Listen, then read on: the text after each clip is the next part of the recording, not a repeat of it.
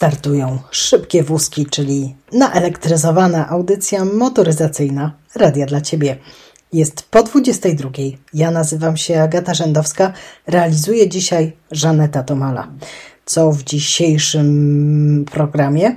Będziemy rozmawiać o odległych krajach. Krajach, które dziś płacą cenę tego, że zachodni świat mógł sobie pozwolić na tak wiele. Co skłoniło mnie do właśnie poruszenia takiego tematu? Formuła E. Tam spotkałam fenomenalną kobietę, kobietę związaną z Formułą E od samego początku jej powstania. Nie chcę za dużo zdradzać, ale powiem tylko tyle, że będziemy rozmawiać z DJ-ką prowadzącą bardzo, bardzo oryginalne życie. Życie naznaczone w tej chwili kwestiami klimatycznymi. No a to wszystko zaczęło się właśnie dzięki elektrycznej mobilności. Izabela Rekiel będzie już za kilka minut z Państwem i ze mną, a potem porozmawiamy o tym, jak urządzenia transportu osobistego potrafią przyczynić się do tego, żeby zmieniło się miasto na lepsze, jakie przepisy, które z przepisów wprowadzonych ponad rok temu zdały egzamin, które być może będą wymagały poprawy. Czy jest sposób na to, żeby zdyscyplinować użytkowniczki i użytkowników miejskich współdzielonych hulajnóg? O tym wszystkim będziemy rozmawiać e, także dzisiaj w szybkich wózkach.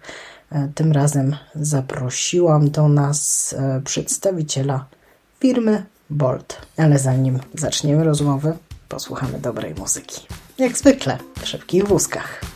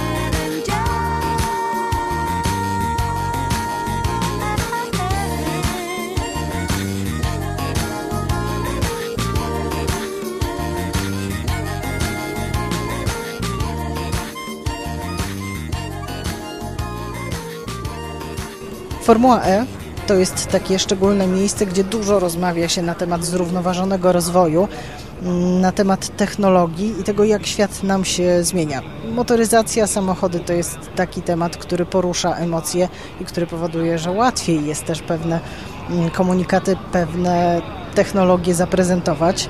Cały świat nam się zmienia. Cały świat mówi o tym, że musimy dążyć do zrównoważonego rozwoju.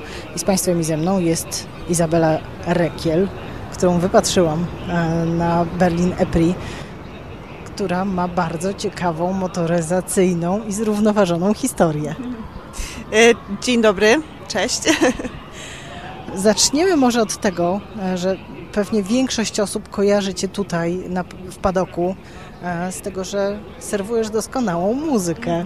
Tak, e, tak jestem DJ-ką e, formą e, od początku, czyli no już przez ostatnie 8 lat, ale w ubiegłym roku z różnych przyczyn mieszkałam na, pracowałam dla Extreme, który jest ten, ten drugi race championship od Alejandro Agag i mieszkałam na statku St. Helena Ship jako reporterka, też DJ-ką, ale te, jako reporterka, skoncentrowana na środowisku, na tych różnych lokacjach, gdzie dokąd płynęliśmy i, i gdzie dokonaliśmy tych wyścigów. No, jako reporterka i, i, co tam się dzieje według climate change um, i jak my pomagamy. Extreme E to jest fenomenalna platforma do tego, żeby mówić o zmianach klimatu i pokazywać je dokładnie tam, gdzie one e, mają miejsce, chociaż te miejsca, w których e, ścigają się zawodniczki i zawodnicy to nie są koniecznie miejsca, które my, wiedząc o tym, jak świat wygląda, kojarzone są z, z dużymi z dużą degradacją środowiska. Na mnie ogromne wrażenie zrobił Senegal. E, dzikie ptaki, które lądowały na plaży pełnej plastikowych odpadów, odpadów, które my w Europie pewnie sprzedaliśmy. To, to właśnie masz rację, to nawet nie są odpady od, od krajów afrykańskich, od Senegalu, tylko właśnie od Ameryki, do, od Azji, od Europy. I myślę, że to Kofi Annan chyba powiedział, że wszystkie te efekty climate change e, spowodowane przez e, krajów właśnie europejskich, Amerykę, ale Afryka będzie tym pierwszym poszkodowana. I, I my nawet to nie zobaczymy, te efekty, bo to najpierw Afryka przejdzie przez to wszystko i, do, i, i to będzie już za późno. I właśnie ten Extreme golem było, żeby jechać do tych e, miejsc, gdzie wiesz, nie ma reporterów, gdzie tak naprawdę nie słyszymy o tych miejscach na codziennie i pokazać, że tam efekty climate change też są i, i nawet o wiele gorzej tylko że my o tym nie słyszymy, nie widzimy, ale dzięki właśnie Extreme E potrafimy pokazać światowi, że to, to wszędzie się dzieje i to trzeba teraz działać. Byliście pierwszą serią motoryzacyjną, która pojawiła się e, na Grenlandii. Mhm. Tak, to było, byliśmy tam przez dwa miesiące. I pamiętam, jak e, wjechaliśmy do portu, to był chyba pod koniec czerwca. I pamiętam, jak patrzyłam na Google, wiesz, jakie tam temperatury są e, największe. O, tam pisało, że 10 stopni maksymalnie. Jak my wjechaliśmy do portu Nuk, było 25 stopni. I to mnie po prostu przeraziło i w dopiero wtedy to było doświadczenie, że jesteśmy naprawdę in trouble. I ja pamiętam, zrobiłam taki post, że wyszłam na statku w, w stroju kąpielowym i nikt nie mógł uwierzyć, że jestem w Grenlandii w stroju kąpielowym w miejscu, które ewidentnie kojarzy się ze śniegiem i lodem. W ogóle trafiliście rzeczywiście na szalenie trudny moment, bo wtedy też odnotowano pierwsze, chyba od, w historii pomiarów, opady deszczu w górach. I, to było akurat na moich rodzinach. Weszliśmy tam na ten Arctic Ice Sheet i padał deszcz. Było tak szaro, że w ogóle to nie było skojarzenie, które myślałam, że zawsze myślałam, to Arctic Ice Sheet, to biało, wiesz, błękit właśnie, a tu było szaro, deszcz padał, było fakt, że było zimno, ale um, rozmawialiśmy z tymi Inuit, y, ludź, mieszkańcami właśnie i oni mówi, on, on powiedział, że przez 40 lat on prowadzi wycieczki i to był dopiero drugi raz w jego życiu, że padał, y, padał deszcz. Szokujące to jest. My rzeczywiście sobie rzadko zadajemy e, trud, żeby sprawdzić, jak nasz styl życia wpływa na resztę świata. Chcemy mieć więcej, chcemy konsumować więcej. Formuła E, rozmawiałam wczoraj z Aleksandrem Simsem, on jest bardzo, bardzo zorientowany ekologicznie. Jeździ samochodem elektrycznym i przyznaje, że mógłby robić jeszcze więcej. I ma takie poczucie, że chciałby robić więcej. E, I, i, I, jest w takim rozkroku, no bo jednak jeździ po całym świecie, żeby się ścigać samochodami. Ale ja na to patrzę z takiej strony. Takie osoby jak Sims, jak ty, jak e, Alejandro Agag, który jest biznesmenem, niekoniecznie do tej pory kojarzonym z zielonymi biznesami, mówią o tym, że coś się dzieje, to więcej osób może im uwierzy. Jest więcej um, audience, czyli sport ma najwięcej uwagi właśnie e, w świecie. Zawsze ktoś, kto na przykład może nie wierzy w climate change albo jest trochę skeptyką, to jeżeli usłyszy od jednego drivera, od drugiego drivera, od e, biznesmana, no to musi być jakaś prawda w tym. Rzeczywiście. Formuła E to jest i Extreme E, w którym poszliście w ogóle o krok dalej. Nie ma tam e, widowni, jest ograniczona ekipa, bardzo zrównoważone wykorzystanie wszystkich zasobów. Ale Formuła E, jesteśmy teraz w Berlinie. Berlin miasto, które się bardzo zmienia i transport jest e, publiczny bardziej dostępny, jest, jest strefa czystego transportu. Naj, najbardziej zanieczyszczające samochody nie mogą tam od 2008 roku wjeżdżać. Tutaj też widać zielony e, event. O eventach i o tym, jak one potrafią zaszkodzić e, środowisku i co zrobić, żeby e, ich wpływ, ich ślad węglowy ograniczyć, sporo wiesz. Tak. Ja jako DJ-ka, jestem już DJ-ką 12 lat, no i pracowałam w klubach, na festiwalach i ja widzę to, co nikt nie widzi, że jak ja, mm, jak sześciogodzinna impreza może mieć wiele śmieci i to takich te, tych jednorazówek. I to nikt nie widzi, czyli nikt o tym nie wie i czyli nie przejmuje się. I ja zawsze, zawsze zachęcałam tych organizatorów, żeby używali, wiesz, te alternatywy i tak dalej. I wtedy, 12 lat temu to było zdecydowanie więcej y, kosztu. Ale teraz to prawie nie ma w ogóle różnicy. I, i wiem, że ludzie którzy chodzą na tych festiwalach do klubów, oni teraz są bardziej świadomi o to i chcą zobaczyć, że okej, okay, ja się bawię, ale chcę, żebym się bawiła albo bawił ekologicznie, jeżeli można tak powiedzieć, albo z, albo z, z rozumem, nie? Więc myślę, że teraz eventy um, bardzo na to um, biorą uwagę i, i powinni. E, I myślę, że Formuła E to była taka je, naprawdę jedna z tych pierwszych globalnych eventów, gdzie próbowaliśmy przeforsować i żeby to była norma. Ja to mam w ogóle dzisiaj szczęście, bo rozmawiam z osobą, kolejną osobą, która z Formułą E jest związana od naprawdę samego początku. Od takiego momentu, w którym sobie wyobrażam, jak tłumaczyliście o co chodzi, to ludzie się stukali trochę w głowę. Tak. No, tak, y, pamiętam, że jak ja, jak ja mówiłam ludziom, że o, że gram dla y, takiej Electric Race, to wszyscy wszyscy na mnie patrzyli, jakby była alien. Ale teraz właśnie nawet z, koleżanką dzisiaj rozmawialiśmy, że teraz widzimy ludzie, którzy śmieli się z nas i oni teraz przychodzą na te eventy, chcą przechodzić. Czyli w, w tych ośmiu lat naprawdę dużo, e, dużego wrażenia zrobiliśmy. I teraz to jest taki cool, żeby być na tych eventach, które są, wiesz, e, dbają o środowisko, i najważniejsze, że e, jest innowacja, że ciągle w każdym następnym roku jest nowa innowacja, jeżeli chodzi o, o samochodów, e, baterii i odzwierciedla się na normalne życie. Masz na sobie szałową e, kreację. Ja już podglądałam w mediach społecznościowych, że ta kreacja ma swoją zieloną historię. Tak, biodegradowalna. To e, zrobiła moja koleżanka. Ona jest projektantą mody, ale naprawdę z sumieniem.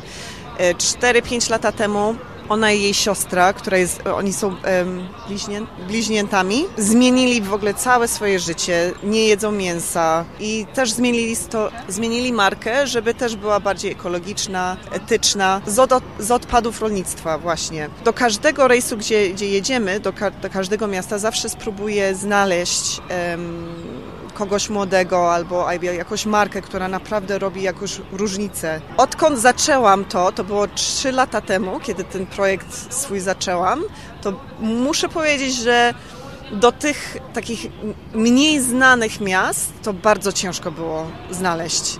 Ale teraz bez problemu mam 4-5 opcji. I to, I to też widać, że ludzie mm, przerzucają się i że chcą, chcą być kreatywni, chcą produkować, ale z sumieniem. To prawda, w Polsce przybywa startupów, y, manufaktur, gdzie liczy się praca rąk i ta praca rąk jest dobrze wynagradzana wreszcie, y, że nie ma takiego obciążenia które, takiego piętna, które ma fast fashion, że to jest jednak okupione cierpieniem ludzi. Jak byłam w Senegalu, to widziałam z, z pierwszej ręki, ile, ile się marnuje odzieży, bo tam to wagonami, statkami do nich przyjeżdża. I to dla nich to jest takie, czujemy ich jako śmietnik, ale oni też mają swoją kulturę, oni też mają swoich projektantów. Y, tam na przykład, ja jak pojechaliśmy do Senegalu, to powiedziałam, że chciałam taki strój, tak bardzo kolorowy. I chodziłam, chodziłam, nie mogłam znaleźć sklepu, bo wszyscy robią to na miarę i to jest ich taki sustainable fashion, bo tam nie ma, mm, nie marnuje się odzieży, bo wszystko jest robione na talię, na zamówienie. Y, to są wszyscy naprawdę poduczeni ludzie y, w krawiectwie i nie ma, nie, nie marnuje się tam odzieży, tak jak my. I, te, i jak widzę tą, tą odzież, ona jest na plaży, to są śmietniki i e, naprawdę serce mi się kroiło i wtedy byłam zażenowana, że, że nasze kraje, które chwalą się, że my jesteśmy najmądrzejsi i mamy, właśnie lubimy poduczać, a proszę bardzo, tutaj nie ma, nie ma tej marnoty. Um, i to było, to było też ciężkie dla mnie, żeby to zobaczyć, i, i bo tam byliśmy w Senegalu przez dwa i pół miesiąca. E, to naprawdę wszystko zobaczyłam. Tam nie było tak, że wiesz, tylko tam pokazali nam, co chcieli nam pokazać, żeby później o tym opisać, ale naprawdę chodziłam z ludźmi spotkałam ludzi z, z ulicy, oni mi pokazywali różnych um, rzeczy właśnie w tym mieście. I no, nie chcę powiedzieć, że, że, że traumę miałam, ale mm, naprawdę serce, serce krwawi nad tą marnotą. I to w Senegalu wszyscy, ten, ten plastik, to śmie te śmieci, odzież, to wszystko było tam ewidentne. Ale zrobiliście też coś fantastycznego razem z zawodniczkami i zawodnikami i całymi ekipami. Sadziliście lasy na Morzynowe. Zaczęliśmy ten projekt w ubiegłym roku. E, gdzie posadziliśmy mangrowce. Gol był milion, e, czyli w ubiegłym roku 500 tysięcy. E, zaczęliśmy z, z połowy, z 500 tysięcy i później właśnie kiedy była ta wycieczka, to dokończyli ten projekt. To, to, jest świetny przykład tego, że można po sobie coś dobrego zostawić na trwałe. Zrobić coś takiego, mm, co może nie jest super modne, ale ja widziałam nagrania Mikaele Olin-Kotuliński, dla której ona jest Szwedką. Dla nich takie robienie czegoś społecznie jest czymś naturalnym, ale Amerykanka no, wkręciła się w, te, w to bardzo i była e, super z siebie dumna, że, że, że zrobiła coś tak niezwykłego. I to było dość niezwykłe, bo ja nawet nie wiedziałam o.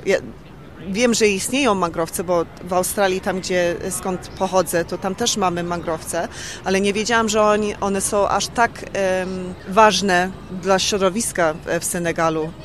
Ja na przykład wierzę w efekt domina, że najpierw trzeba pomóc w swoim środowisku albo w jakimś małym community, i to wtedy się ta, ta, ta, ta dobroć się rozmnaża. Wspomniałaś o Australii, że to jest y, kraj, z którego pochodzisz, ale jednak mówisz świetnie po polsku. O, nie, ja, jeżeli moi rodzice by to teraz usłyszeli, to by rękę w głowę mieli. Kiedyś y, nauczyłam się polskiego w Australii, chodziłam do polskiej szkoły, zdałam maturę po polsku, mówiłam o wiele lepiej wtedy, ale to, to po prostu to trzeba mówić codziennie. Ja mieszkałam w Londynie przez 12 lat, e, nie miałam styczność z, z Polonią. Teraz akurat e, mieszkam w Warszawie przez ostatnie 6 miesięcy, no ale rodzinę też mam tak pół angielską, pół e, polską, czyli mówimy na tak penglish, jeżeli można tak powiedzieć. E, ale dziękuję. Muszę bardziej po prostu praktykować i więcej mówić. I... Dziwne, że spotykamy się w Berlinie, a nie w Warszawie, bo ja też tam mieszkam. Jak oceniasz Warszawę? Myślę, że Warszawa się zmienia. Oczywiście teraz, co się dzieje z Ukrainą, jestem bardzo dumna, że y, to znaczy rodzice pochodzą z Polski, ale mam krew polską. Warszawa myślę, że jest w stanie stać się taki drugi Berlin. Może Berlin uczymy się otwartości. Nie, nie chcę, ja bardzo kocham Polskę i nie chcę, mm, nie chcę, żeby to brzmiało, że o, przyjechała z Australii i myśli, że jest najmądrzejsza. Nie, wcale nie. Na przykład ja bardzo boleję nad tym, że jak ja, ja chodziłam do Polski, e, ja chodziłam do szkoły w Polsce, e, jak byłam, jak miałam 6 e, lat i 12 lat. Ja pamiętam, że wtedy jak, na, jak jeszcze Polska nie należała do Unii Europejskiej, nie były różne te przepisy, to chodziło się na targ. Wszystkie te warzywa, owoce. Ja, ja, nie pamiętam, kiedy ostatni raz miałam truskawkę, która, która smakuje jak truskawkę. Te serki homogenizowane, to już nie są te serki homogenizowane. My nie mamy słowo na organic albo bio, bo wtedy nie, a, nie było stać rolnic, rolnikom, żeby kupowali tych nawozów i tak dalej, czyli wszystko praktycznie było organiczne. Ja pamiętam moja ciocia, ja, moje rodzice wysyłali mnie zbierać maliny, wiśnie. I to był, dla mnie to był raj. Okej, okay, pracowałam, ale to był raj, bo takich owoców i warzyw nie miałam w Australii, mimo że to był kraj bogaty, bogatszy o wiele niż Polska. I myślę, że um, wiele się popsuło teraz. I to, to jest 100% wina tych korporacji, e, tych wszystkich regułów, które, które weszły. I, no i trochę smutno, bo mm, świat, akurat w, w tym, w tym obrzeże świat nie idzie w dobrym kierunku. Pocieszę Cię e, i może trochę uspokoję, bo jednak na przykład przepisy unijne w tej chwili mm, są przygotowywane tak, żeby wspierać rolnictwo ekologiczne, żeby wspomóc y, te gospodarstwa, które nie są bardzo duże i które chcą stosować naturalne nawozy, ograniczać na przykład hodowlę zwierząt y, na tyle, żeby móc wykorzystać je właśnie do tego, żeby nawozić naturalnie glebę, a nie mm, iść w taką hodowlę przemysłową. Także mam nadzieję, że w najbliższych latach y, w całej Unii Europejskiej i nie tylko będzie się to poprawiało. A wrócimy jeszcze na chwilę do zrównoważonego biznesu i transportu, z którym my tutaj w tle, e, jak słychać, jesteśmy. Mm, następny wyjazd z Formułą E to będzie? To będzie do e, Jakarta, czyli do Indonezji. E, długo tam nie byłam, nie, w ogóle chyba nie byłam do Jakarty. Do Indonezji byłam, ale nie do Jakarty, więc nie wiem jaki tam jest stan, ale ja mieszkam w Hongkongu przez 5 lat i tam jest bardzo dużo e, samochodów elektrycznych i akurat w tym, w tym mieście bardzo pasuje, bo oni mają problemy z, mm, ze smogiem właśnie i bardzo dużo pomogło. W Hongkongu nie ma, nie ma podatku, ale się płaci podatek na na przykład takich luksusowych rzeczy, czyli samochodów. Czyli jak się kupuje samochód, to trzeba zapłacić 100% podatek. I wprowadzili regułę, że na samochodach elektrycznych nie było w ogóle podatku, czyli był ten incentyw dla ludzi. I ten drugi incentyw był, że nie, nie chodziło się na ulicy i nie wąchało się tych wszystkich spalin. E, mam nadzieję, że to się zwierciedli na innych krajów azjatyckich, bo oni naprawdę mają problem z, z. Ale będzie ciekawe, e, bo jak w Dżakarcie będzie. Też jestem ciekawa, w Dżakarcie na pewno nie będę, ale jeszcze mam nadzieję, że w tym sezonie się spotkamy. Czy Ciebie można gdzieś na jakichś platformach streamingowych posłuchać? Muzykę? Tak, jestem na SoundCloud e, i na Mixcloud jako Easy, czyli EZ Y. I też na Instagramie można znaleźć mnie Easy Official, czyli EZY Official, O F F I C I A L. Izabela Rekiel. Bardzo Ci dziękuję za to spotkanie. Wracamy kibicować. Dziękuję bardzo. Miło było porozmawiać.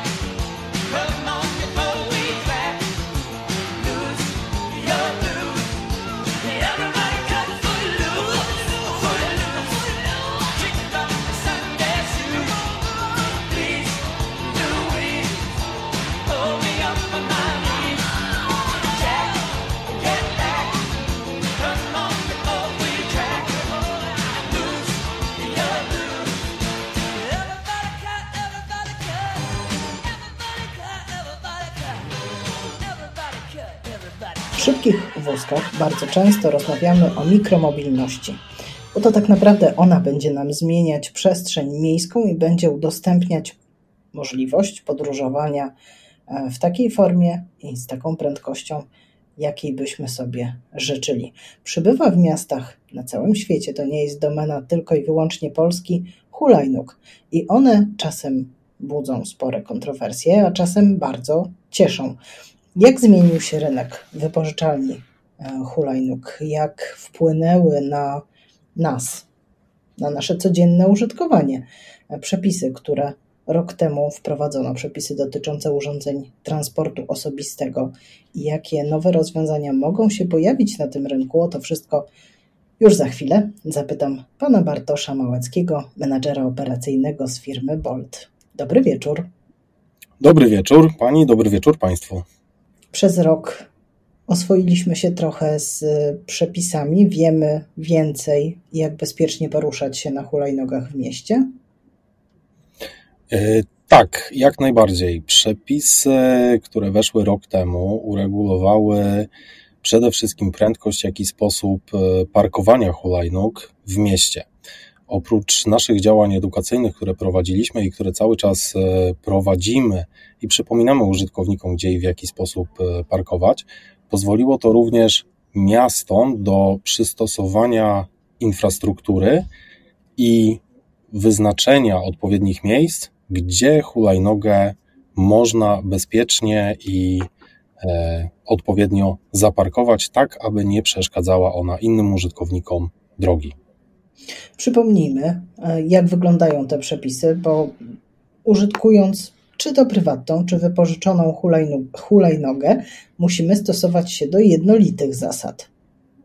Jak najbardziej, to się zgadza. E, te zasady to przede wszystkim hulajnogę należy parkować w miejscu do tego przeznaczonym. Tutaj niektóre miasta wyznaczyły takie miejsca oznakowaniem poziomym bądź pionowym, w drugiej kolejności najlepiej hulajnogę parkować jak najbliżej stojaków rowerowych. Jeżeli nie ma wyznaczonego takiego miejsca, hulajnogę należy zaparkować przy prawej krawędzi chodnika, najbardziej oddalonej od jezdni, wzdłuż chodnika, wzdłuż krawężnika bądź wzdłuż budynku, pamiętając o tym, aby zawsze zachowany, zachowana odległość półtora metra tak aby inni użytkownicy chodnika bądź drogi mogli swobodnie się nią poruszać.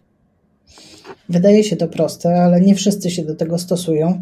E, I tutaj znowu, to nie jest tylko nasza domena. Ja jestem w tej chwili w Oslo e, i czytałam dzisiaj rano wyniki ankiety. Połowa mieszkańców chciałaby się pozbyć hulajnóg e, z miasta właśnie ze względu na parkowanie. Cały czas toczą się rozmowy z miastami. Polityka firmy Bolt jest taka, że ścisła współpraca z miastem, wyznaczanie e, miejsc do parkowania i również jednoczesne edukowanie i stałe edukowanie, przypominanie zasad e, parkowania przynosi efekty. A lepiej jest e, takich niesfornych użytkowników i użytkowniczki nagradzać czy karać? Karać czy nagradzać? Czy są w ogóle jakieś mechanizmy do tego, żeby e, weryfikować, znajdować te osoby, które. Bo podejrzewam, że to jak ze wszystkim, to wszyscy wynosimy odpadki do e, odpowiednich kubów.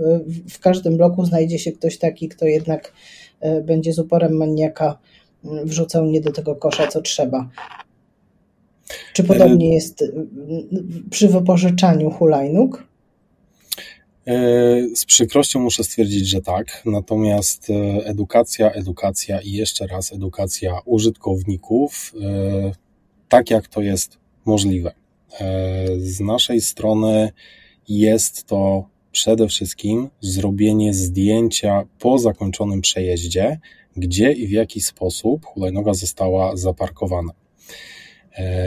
Kilka dni temu rozpoczęły się testy sztucznej inteligencji e, w firmie Bolt, która w czasie rzeczywistym weryfikuje zdjęcia zrobione przez użytkowników. Jeżeli system wykryje, że hulajnoga jest niepoprawnie zaparkowana, wtedy prosi użytkownika o przestawienie takiej hulajnogi i zrobienia ponownie zdjęcia. Jeżeli natomiast dojdzie do sytuacji, kiedy władze miejskie zdecydują się zabrać taką hulajnogę, wtedy ściśle współpracujemy z y, policją, ze Strażą Miejską w danym mieście i staramy się przekazać wszelkie możliwe informacje. Wtedy użytkownik, który dopuścił się e, złego parkowania, może zostać pociągnięty do odpowiedzialności przez odpowiednie władze. To w zasadzie powinno rozwiązywać problem, bo kilka, kilkanaście osób, które zostałyby ukarane, fama by się rozeszła i być może na niektórych byłby to sposób. Mm, to jest oczywiście tylko fragment y, wyzwań, y, jakie mają operatorzy nie tylko hulajnóg, ale w ogóle różnych urządzeń, którymi możemy się przemieszczać, wypożyczać je na minuty. Co jest jeszcze w tej chwili w miastach e, problemem do rozwiązania z perspektywy operatora? Mm, z perspektywy operatora jest to cały czas rozwijana infrastruktura miejska. E, z racji rozmów, które prowadzimy z miastem, E, negocjacji i informacji, jakimi się dzielimy. Mamy nadzieję, że miasta wezmą pod uwagę informacje, które mamy, które posiadamy i będą je wykorzystywać przy tworzeniu chociażby ścieżek rowerowych, po których od roku można się poruszać na hulajnogach.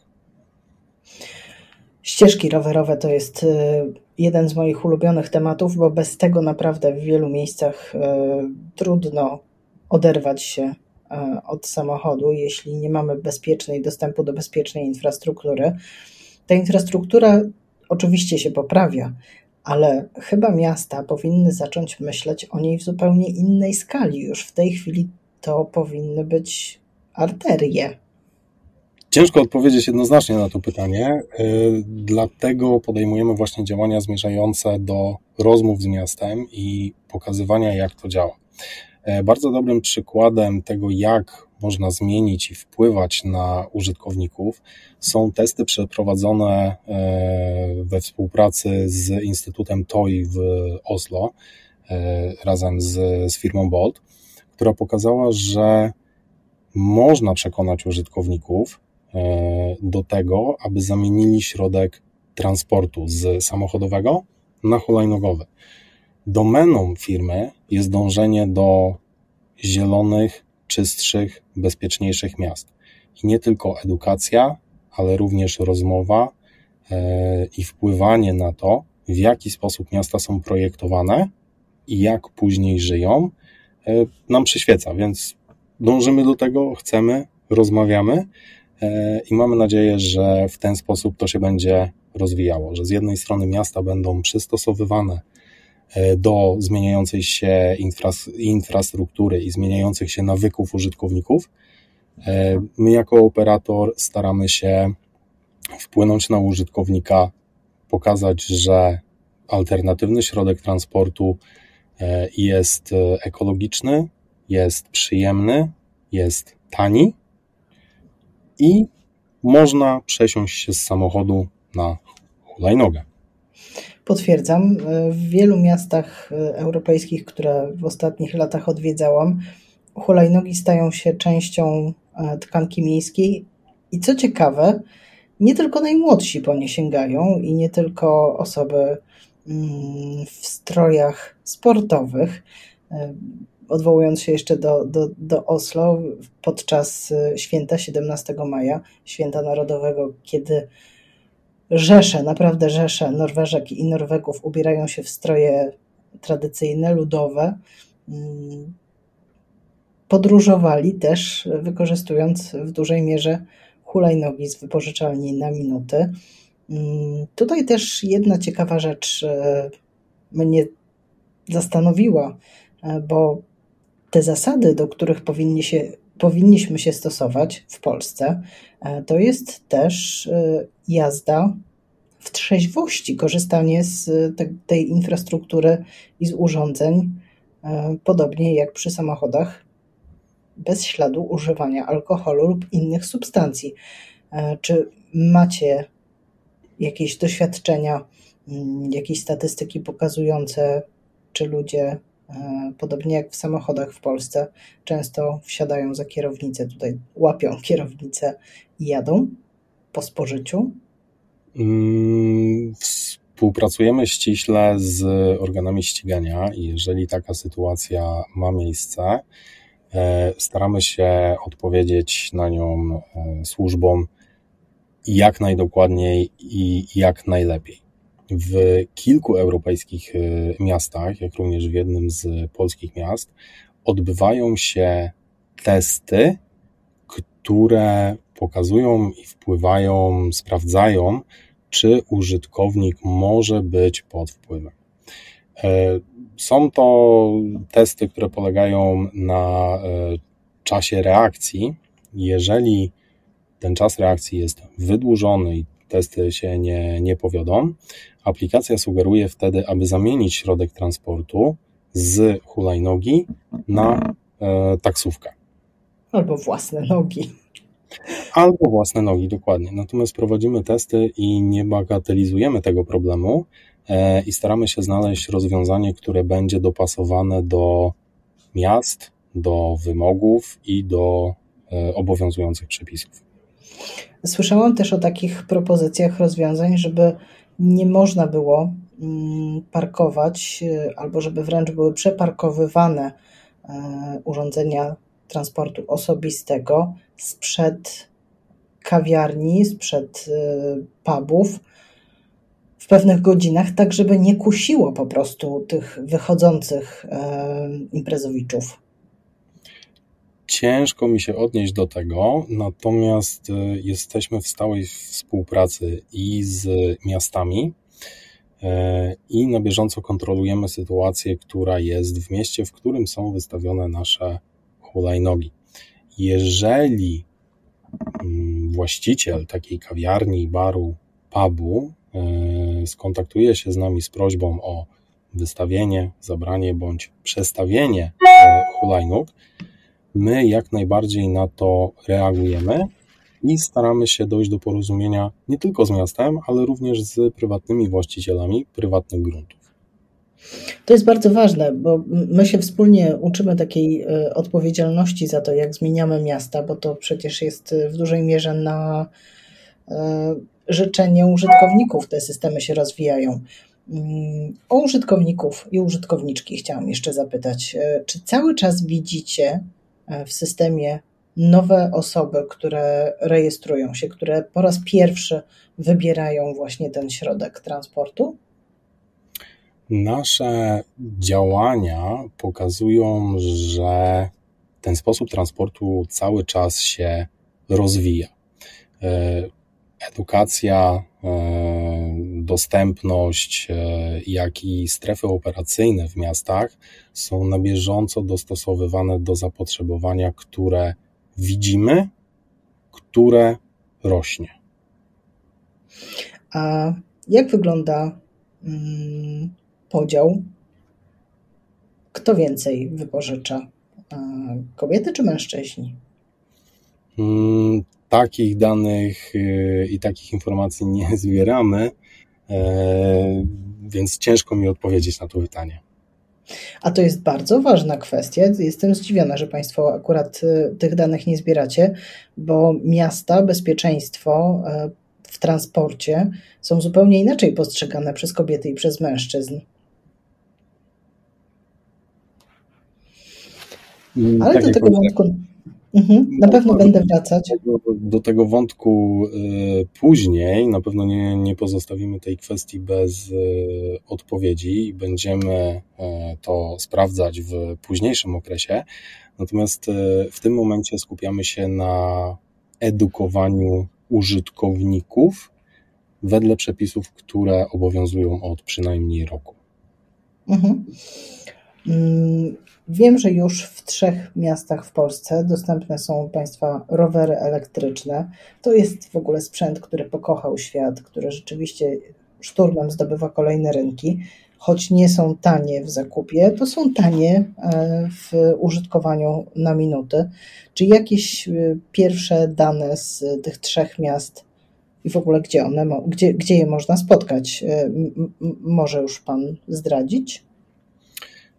Nasze rowery elektryczne są obecne w Krakowie, Olsztynie i Bydgoszczy w tym momencie.